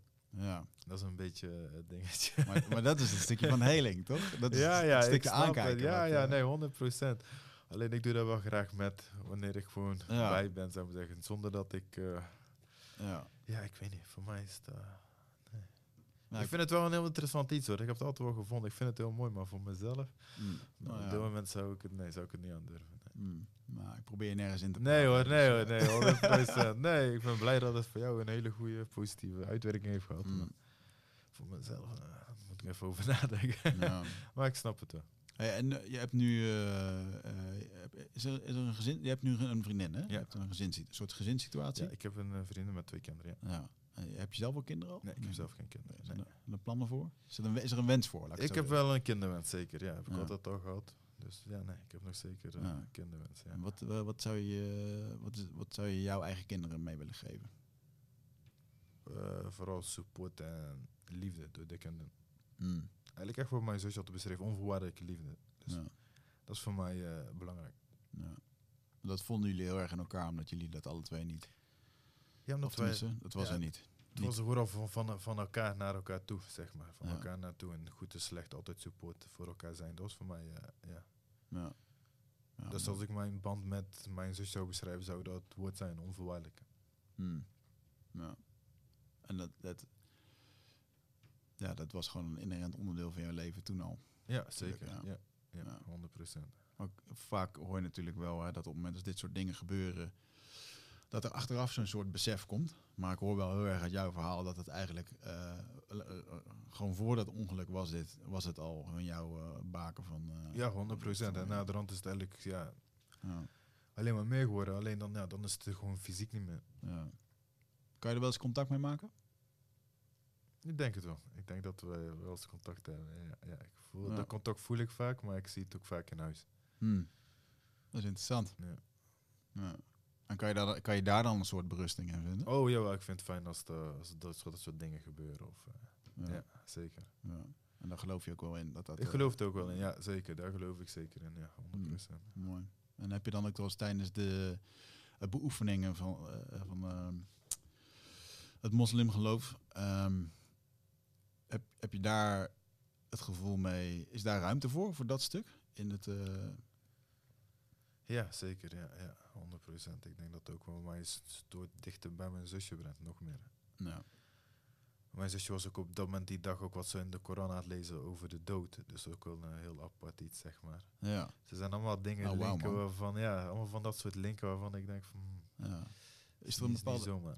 En is daar een bepaalde tekst in de Koran die jou, die jou heel erg is bijgebleven, of die veel indruk op je heeft gemaakt? Nee, op dit moment niet echt zo dat ik 1, 2, 3 op kan komen. Nee. Ik zit er zelf nog wel eens aan te denken om. eh, ik vind het wel interessant. eh, maar ik, als ik zo'n heel groot boek, net als de Bijbel, ga lezen, jou, ja. dan vind ik het, dan is het te complex. En dan, eh, maar ik geloof dat er ook wel wat boeken zijn geschreven waarin het eigenlijk wordt uitgelegd in een soort van. Ja, ook zeker. Dat is ook, ja, klopt. Misschien moet ik daar eens een keertje induiken, want ik vind het wel mega interessant. Uiteindelijk is het natuurlijk allemaal. eh, Ja, je hebt ook een heel mooi boek daarvan. eh, Wees niet bedroefd heet dat. mhm. Het zijn eigenlijk een soort van eh citaten uit de Koran. Staat daarin een verhalen staan daar uitgelegd. Ah, interessant. Ja, dat is een, vind ik een heel mooi boek. Die lees ik, die is voor mij makkelijker om te lezen als de Koran zelf. Ja. ja, dat is natuurlijk ook het idee dat je, je hoeft niet per se in de Koran te lezen om Ja. tot de lessen te komen die erin staan. En daar ben ik wel benieuwd naar. Wees niet bedroefd. Ja, wees niet bedroefd, ja. Ga ik ze lezen. Zijn er nog andere boeken die veel indruk op jou hebben gemaakt? Je hebt niet, veel gelezen, zei ik je. heb hè? nog nooit een boek uitgelezen, dus ja, ik, eh, ja, ik doe mijn best. Ik, eh, ik, ik, ik kan die concentratie gewoon niet, eh, niet houden, zeg maar. Mm. Te snel afgeleid. Mijn eigen boek heb ik niet Ja. eens gelezen. Ik heb wel veel boeken heb ik liggen, maar het vers waarmee ik ben gekomen was eigenlijk die biografie van Will Smith. Hmm. Die heb ik tot de helft gelezen en toen was het ook klaar. Nou ja, Oké. ja. En waar haal je vandaag de dag inspiratie uit? Inspiratie uit, ja. Om elke dag een beter persoon te zijn eigenlijk. Om Hmm. elke dag mijn werk beter te doen, om een beter persoon naar anderen te zijn voor mezelf. Daar haal ik veel, veel inspiratie uit. Ja. En doe je dat ook nog in de sport? Ik ben op dit moment een beetje aan het, ja, aan het plannen van hoe ik alles ga doen. Zoals ik op, de op, de op de kickboksen vind ik moeilijk, omdat ik het niet meer op het niveau kan doen wat ik heb Ja. gedaan. Dus recreatief meetrainen gaat wel, maar dan Nou. raak ik weer te enthousiast. Maar ik bedoel meer in het, eh, je wil graag, eh, ja, ik, ik merk heel erg dat je graag dienend wil zijn aan anderen. Ja. Oh, Dus qua trainen zijn. Ja, trainen of begeleiden of... eh, Die vind ik lastig, want op dit moment trainer is niet echt iets voor mij weggelegd, vind ik persoonlijk zelf. Ik heb ook de geduld is bijvoorbeeld mij heel laag. ja. En ik vind op dit moment de jeugd moeilijk om te begeleiden. Ik vind vooral, ze hebben veel meer talent. Ze zijn alleen luier tegenwoordig, vind ik persoonlijk. En ze stappen heel snel over naar van sportschool naar sportschool. Ja. En dat vind ik jammer. Loyaliteit. Ja, dat vind ik jammer. Want ik zie ook soms vaak jongens die van jongs af aan zijn eh, begonnen bij een trainer. Behalen supergoeie resultaten, verliezen ze een keer en dan gaan ze naar een andere sportschool. toe. Mm. Dat zijn juist de momenten dat jij met jouw trainer de schouders eronder moet stoppen en juist voor een oplossing moet gaan, eh, gaan zorgen. Ja. Dus ja, Zo is het jou geleerd. Ja, zo is het Ja. mij geleerd ook. Ja, dus ik vind nee, op dit moment als trainer zijnde vind ik eh, nee, Hmm. is niet weggelegd. voor. Volg je de vechtsport nog wel veel? Nee. Ik kijk alles, ja, ja. Ik kijk alles, UFC, Glory, eh, noem maar op. Nou, heb je nog wel veel, heb je nog veel contacten met jongens die eh, nu in de UFC vechten? Ja. eh, Via de Black Zillions? Ja, natuurlijk. Kamura Oesman is natuurlijk een goede vriend van mij. Ja. Die zei dit weekend helaas verloren. Heeft dat goed gedaan wel? Ja, wel goed gedaan. Ja, was een mooie wedstrijd. Ja, dus ja, dat soort jongens, allemaal van Mi- Michael Chandler, allemaal van de Black Zillions, die oude Black Zillions, die jongens heb ik allemaal gewoon eh, contact mee. Ja, ja. En heb je daar, eh, mis je dat? Of ik is mis zo? die broederschap wel van de sportschool, moet ik zeggen. Daarheen gaan, met z'n allen trainen, elkaar een pak slaag geven en daarna een biertje drinken, lachen, weer even bewijzen van. Het is gewoon, ja, het is gewoon, ja, zo'n de structuur waar het over had. Het is gewoon, Mm. ja, zo van weg. Dus ja, nee, ik mis de sportschool op, op die opzicht wel. Ja. Hmm, ja. En, en het, eh, het broederschap wat je bij de Black Zillions eh, voelde, dat beschrijf je mooi eh, in het boek ook. Ja. Ehm, want wat voor veel mensen die dit wereldje niet kennen, er zijn gewoon teams, alle voetbalteams, die bij Ja. elkaar worden gesteld. En eh, alle topjongens daar. En er wordt voor je gezorgd. Je krijgt een huis, eten. En het enige wat jij hoeft te doen is Is trainen, ja. wedstrijden Resultaten, verzamelen. ja. en, eh, ja. En, eh, Precies, presteren en trainen. Dat is het enige wat je hoeft te doen. Dus, je sliep dan in een huis en ging gewoon de hele dag trainen met die gasten in Amerika. Ja, precies, ja. Daar raak ik nog bevriend ook nog. Dus ja, heb ik nog steeds met de jongens. Eigenlijk mijn beste vriend geworden, Sean Soriano. Mhm. Vanaf dag één is het eigenlijk ja, liefde op eerste gezicht. We hadden dezelfde interesses, dezelfde denkwijzes. eh, we spreken elkaar elke dag. Ook ondanks, ondanks dat ik drie jaar niet naar Amerika ben geweest. Ja. Dus ja, je houdt er ook heel veel vriendschap uit over. Want Ja. elke teams waar je bent geweest, zijn altijd jongens van, ja, waar je een band mee hebt, waar je contact mee blijft houden. Dus het is, ja, het, Ja. Wat was uiteindelijk de keuze dat jij naar Amerika ging vanuit Nederland? Want was, was het ook een soort van vlucht van waar je Ja. toen in zat hier? 100 procent. Ik zat eigenlijk in een, in een, in een lastige thuissituatie wat, waar ik gewoon niet uitkwam. Ook met mijn stiefpa als eh, trainer natuurlijk. Mhm. Maar zoals ik zei, mijn liefde voor de sport werd minder. Ook zeker door die tur- turbulente dingen thuis. Dus op een dag van, ja, weet je, ik was al een jaar aan het investeren in het MMA. Ik was al zeven jaar op en neer aan het gaan. En ik denk, ja, weet je, dit is mijn moment om, Ja. Om gewoon iets nieuws te gaan doen voor mezelf, iets fris. En eh, kijk wat ik daar wel kan maken. Ja. ja. Dat, dat, dat wat je daar beschrijft, hè, dat die relatie met je, met je stiefvader, ehm, die liep niet lekker. Ja. Eh, maar hij heeft wel bijna twintig jaar bij je aan de ring gestaan. 100 procent, ja. Oh, dat lijkt me ook heel, enerzijds heel verwarrend, heel moeilijk, heel complex. ja. Het was ook- anderzijds ook heel mooi. Dat dat, Het was, het, dat was het ook precies zoals jij nou zegt. Het was super mooi, maar ook super verwarrend. Hmm. Ja, het was gewoon, ja. Eh, zoals zeg, het is jouw trainer, maar toch mis je de support. Maar aan de andere kant kwam daar ook alweer een bepaalde bewijsdrang naar voren. Van waarom ik nou laten zien van dat ik de, gewoon de beste kon zijn. Dus dat heeft heel veel verschillende ja, dingen die bij elkaar zijn. Ja. ja. Kan jij hem vergeven? Natuurlijk, ja, 100%. Nee, voor mij, voor mij persoonlijk, ik heb, vergeef ik iedereen die mij iets fouts heeft aangedaan, mij heeft gekwetst of wat dan ook. Of, Ja. ik, wil niet, ik, ik wil niemand zijn die met de wrok leeft, maar daarentegen hoop ik ook dat ze mij vergeven voor mijn dingen. Want ik doe ook foute dingen. Ik maak nog steeds vandaag fouten, morgen weer, over tien jaar waarschijnlijk nog steeds. Ja. Maar mijn intenties zijn goed, dus ik hoop ook dat ze mij daarvoor kunnen vergeven. Ja. ja, ik kon niet helemaal opmaken in de zin van... ehm, kijk, er is een hoop gebeurd. En Ja. heb, je, heb je daar dan nu rust in gevonden? Ook in dat stuk? Ik heb daar wel een soort van rust. Ik ben het natuurlijk niet mee eens, maar ik heb daar wel rust in gevonden. En daar ben ik vergevend in van. Het is prima zo, maar dat wil niet zeggen dat ik met hun nog verder wil of doorheen door. Nee. Dat is dan een andere, dat is weer iets anders. Ja, ja zeker. Snap ik wel. En eh, de komende jaren, wat, eh, wat ga je doen, man? Wat, eh, wat gaat het allemaal brengen? Ik, weet dat je niet te ver vooruit wil plannen, nee, maar... ik eh, ben op dit moment, zoals ik zeg, heel veel bezig met mijn werk en de Ja. zorg, wat ik heel leuk vind, met straatcoachen. Ik geef mijn lezingen en mijn eh, seminars, mijn kickbox seminars. ja. Dus daar ben ik op dit moment wel eh, druk zat mee. En ik vind het super leuk om te doen. En het is een goed balans. Ik vind het niet leuk om één ding te doen en om daar volledig op te focussen. Ik moet meerdere dingen op hebben wat, eh, Ja, waar ik interesse in heb, zeg maar. ja. Komt er nog een boek of niet? Of nog eentje? Heel toevallig heb ik daar laatst nog over zitten nadenken. Toevallig met iemand nog over gehad. Maar ik moet zeggen, het schrijven voor mij was één, was een hele goede therapie. En ik vond het ook echt leuk. Mhm. Ik heb nou nog ste- steeds dagen dat ik in één keer denk van nee, ik ga even schrijven op mijn laptop of weet ik veel, dat ik iets van me afschrijf. Dus Ja. misschien wel. Misschien dat ik wel eh, Mm. over een paar jaar denk om eh, een eh, vervolg te doen. Mm. Heb je nog, want je zei van jezelf afschrijven.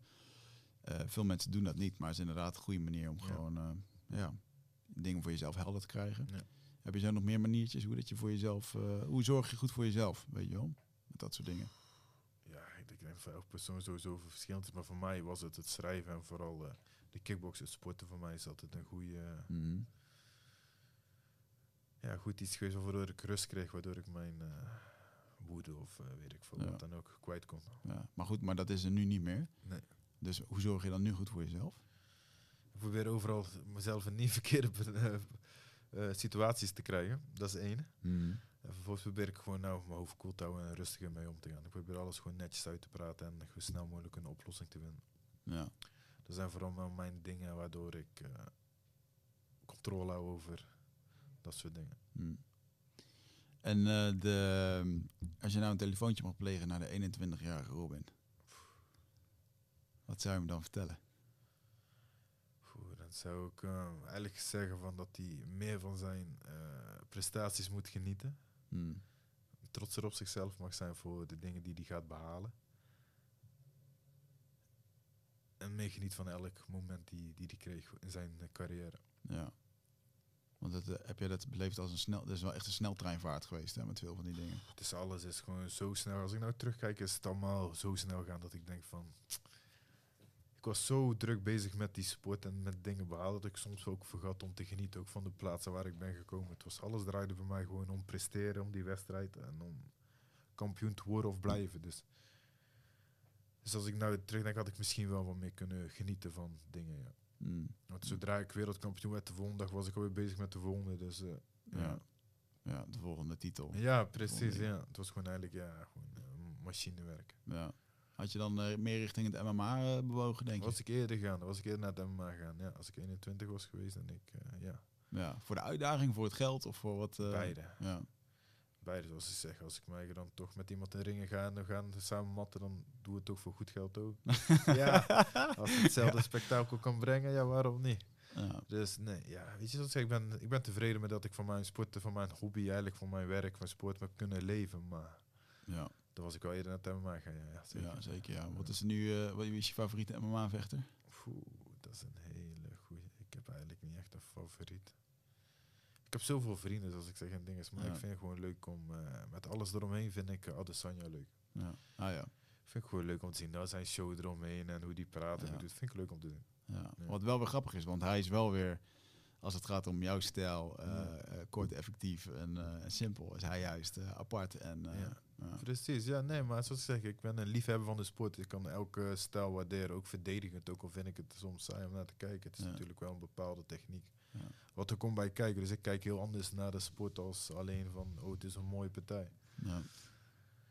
Ja. Train jij eigenlijk nog wel eens? Want ik, eh, ik heb hem helemaal niet bedankt, maar eigenlijk zit je hier omdat eh Dwen mij dit... eh, Oh, serieus? Die heeft me dit boek gegeven. Ja, Hij zo, tof, als je een dag wil janken, dan moet je dit boek lezen. hij, moet Dus- hij moet man zijn, niet janken, maar grappig. Maar, dus daarom, Ah, leuk, ja, dit is mooi. Maar hij staat er ook in vermeld. Ja, Dwayne, ja zeker. Nee, ja, zoals ik toen ik in, terug naar Nederland ging, is Dwayne eigenlijk mijn grondcoach geworden en MMA-coach. Ook een gouden vent is dat zeggen. Wat een lieve man en natuurlijk een eh, ja, geweldenaar in het grond. Mhm. Dus ja, dat was voor mij een simpele optie om de hoek bij mij uit Den Bosch, Os. Dus ja, nee, ik heb van hem heel veel geleerd in die tijd dat we hebben getraind, ja. ja. Ja, mooi man. Moet binnenkort trouwens weer langzaam, het is te lang geleden. Ja. Kom een keer op woensdagavond, jongen. Woensdagavond, ja, nee, leuk. er ook, 100 tenminste. Nee, dat leuk. Ja, lijkt me leuk. Ja, 100 Hmm. Hey, en en ehm, een, van de, de bosse vrienden van jou, eh, Andy Sauer, Ja. die, eh, dat is ook een goede vriend van jou, toch? Ja, zeker. Ja, ve- vecht hij nog actief of niet? Eh, hij heeft laatst een afscheidspartij gedaan, als ik me niet vergis. Maar, die vecht elke topsporter vijf keer ongeveer Ja, in ja, nee, dus ja, ik, ik weet niet wat voor de rest zijn, zijn Ja. plannen zijn voor de toekomst. Of er nog een eentje of weet ik veel. Of... Nee, ik zie hem zo nu en dan eens op sportschool trainen, dus hij is gewoon lekker bezig. Ja. Ja. En noem je op de sportschool trainen, train je dan nu nog op een bepaalde sportschool? Of, of- Oh, bij, bij, bij Fighting Talents, zou ik zeggen, mijn, mijn trainer Oussama, daar traint eh, Ja. Andy ook mee. Ah, ja. Dus dan zien we elkaar, zo kruisen we elkaar de wegen soms wel eens. ja, lachen. Ja, ja, 100 procent. Hmm. Hey, en ehm, eh, als je dan nu kijkt naar, eh, eh, je had het al een beetje over die jongeren. Jongeren hebben weinig discipline, weinig loyaliteit. Hoe denk je dat het komt? En, en, en hoe zou je die jongens daar wat meer uit willen trekken? Want jij zit af en toe lezing te geven voor die doelgroep die Ja. dan ja, op de telefoon zit. Ja, nee, maar wat je, wat je nou zegt, dat is het hele probleem. Ik denk dat het social media het, het probleem is. De neppe wereld, om het zo maar te zeggen, waar ze gewoon in verdronken zijn. Om maar eh, alles te laten zien, eh, veel aan, aandacht te krijgen, faam, eh, geld te laten zien, weet ik veel. Mhm. Ik denk dat ze daar gewoon te veel in verweven zijn. Ook die jongens die willen tegenwoordig na drie A-partijen willen ze duizenden euro's verdienen. Wat gewoon, wat gewoon niet gaat, wat gewoon een lange weg is. Ja. En ja, in mijn lezing probeer ik ze daar wel op te, gewoon door te, op te aandringen dat ze wel door moeten zetten. En dat het gewoon een lange weg is. Dat het niet 1, 2, 3 om de hoek zit en niet een andere weg inslaan. Ja. ja. En heb je die, eh, als je er nu de jongeren ziet trainen, ehm, ga je nog wel eens naar wedstrijden toe of niet? Je Jawel, ik ga ze nu nog wel eens kijken. Als ik tijd heb en niet hoef te werken, ga ik wel eens eh, kijken van jongens van de wedstrijd. Ja. Ja. En wat voel je dan als je die jongens ziet vechten? Meer spanning als voor mezelf. Hmm. Ja, ik vind het echt zo vervelend om een jongen waar ik een goede band mee heb om in die wedstrijd te zien. Om, nee. Ja. Dat zou ik eh, het liefst gelijk willen ruilen. Maar ja, ze moeten, ze moeten het zelf doen. Ja, ja, zeker. Ja. Hey, en wat zou je voor de mensen willen zeggen die nu eh, echt in een moeilijke periode zitten? Eh, ja, ik kan eigenlijk nog vrij recent. Jij komt er net uit. Poeh, mijn boodschap is eigenlijk om door te blijven zetten. Om positief te blijven. En dat het het licht aan het einde van de tunnel is. Hmm. En als ze het niet zelf kunnen of hulp nodig hebben, dan ook zeker moeten vragen bij degene waar ze denken dat het goed bij voelt. Soms is al praten met een goede vriend, een buur, een eh, weet ik veel, is soms al voldoende. Ja. Maar er moet wel hulp gevraagd worden, want je kan het niet altijd weten. Ja. Reik jij nu zelf sneller uit naar hulp? Ja, ik ben wel opener geworden naar mijn vrienden. Ja. Ja, zoals ik zeg, in mijn boek staan waarschijnlijk dingen die mijn vrienden nog nooit hebben geweten. Die ondanks dat wij twintig jaar bevriend zijn. Ja. Omdat ik ook gewoon een gesloten persoon was en dacht dat ik ook zo alles zelf kon en alles een plek kon geven en alles ja, eigenlijk kon overkomen, terwijl het helemaal niet was. Ja. Mooi man. Ehm, we gaan een beetje naar een einde toe. Ja. Ik denk dat eh ja, onwijs inspirerend verhaal. Ik zou ook voor de mensen zeggen, eh, koop het boek Pokerface. Dankjewel. Kun je gewoon kopen bij jouw eh, website, denk ik. Of website, ja, op de. Uitgeverij Kompas, uitgeverij Kompas. Staat het en op bob.com volgens mij ook. Als ik me niet vergis. Zelfs op mijn website staat het volgens mij. Mooi verhaal. En eh, ja man, eh, ik denk dat je veel mensen inspireert met eh, waar je vandaan komt. A, met je topsportprestaties natuurlijk, maar eigenlijk nog veel meer met wat, ja, wat erna komt. Ja, ik hoop het. En ook daar met, met vallen en opstaan weer doorheen gaat. Dus eh, sowieso dankjewel voor je openheid, dat je het in een boek hebt durven schrijven. En, en ja, en eigenlijk heel mooi om te zien ehm, ehm, ja, dat je het pad bent gaan bewandelen om jezelf erin te helen en, eh, en dat door te geven aan anderen. Ja, zeker. Dat is veel moed nodig. Ja, dankjewel. Ja, het doet me goed. Dus, eh, zolang er dingen die me, die me goed laten voelen, die blijf ik gewoon doen. Dus. Ja, mooi. Wens ik jou heel veel succes. We gaan elkaar vast nog een keertje zien. Ja. En eh, luisteraars, dankjewel. Abonneer je eventjes op ons kanaal, Eindbazen. Volg Robin op, op Instagram en mij. En dan is het voor vandaag klaar. Dankjewel. Toch, dankjewel.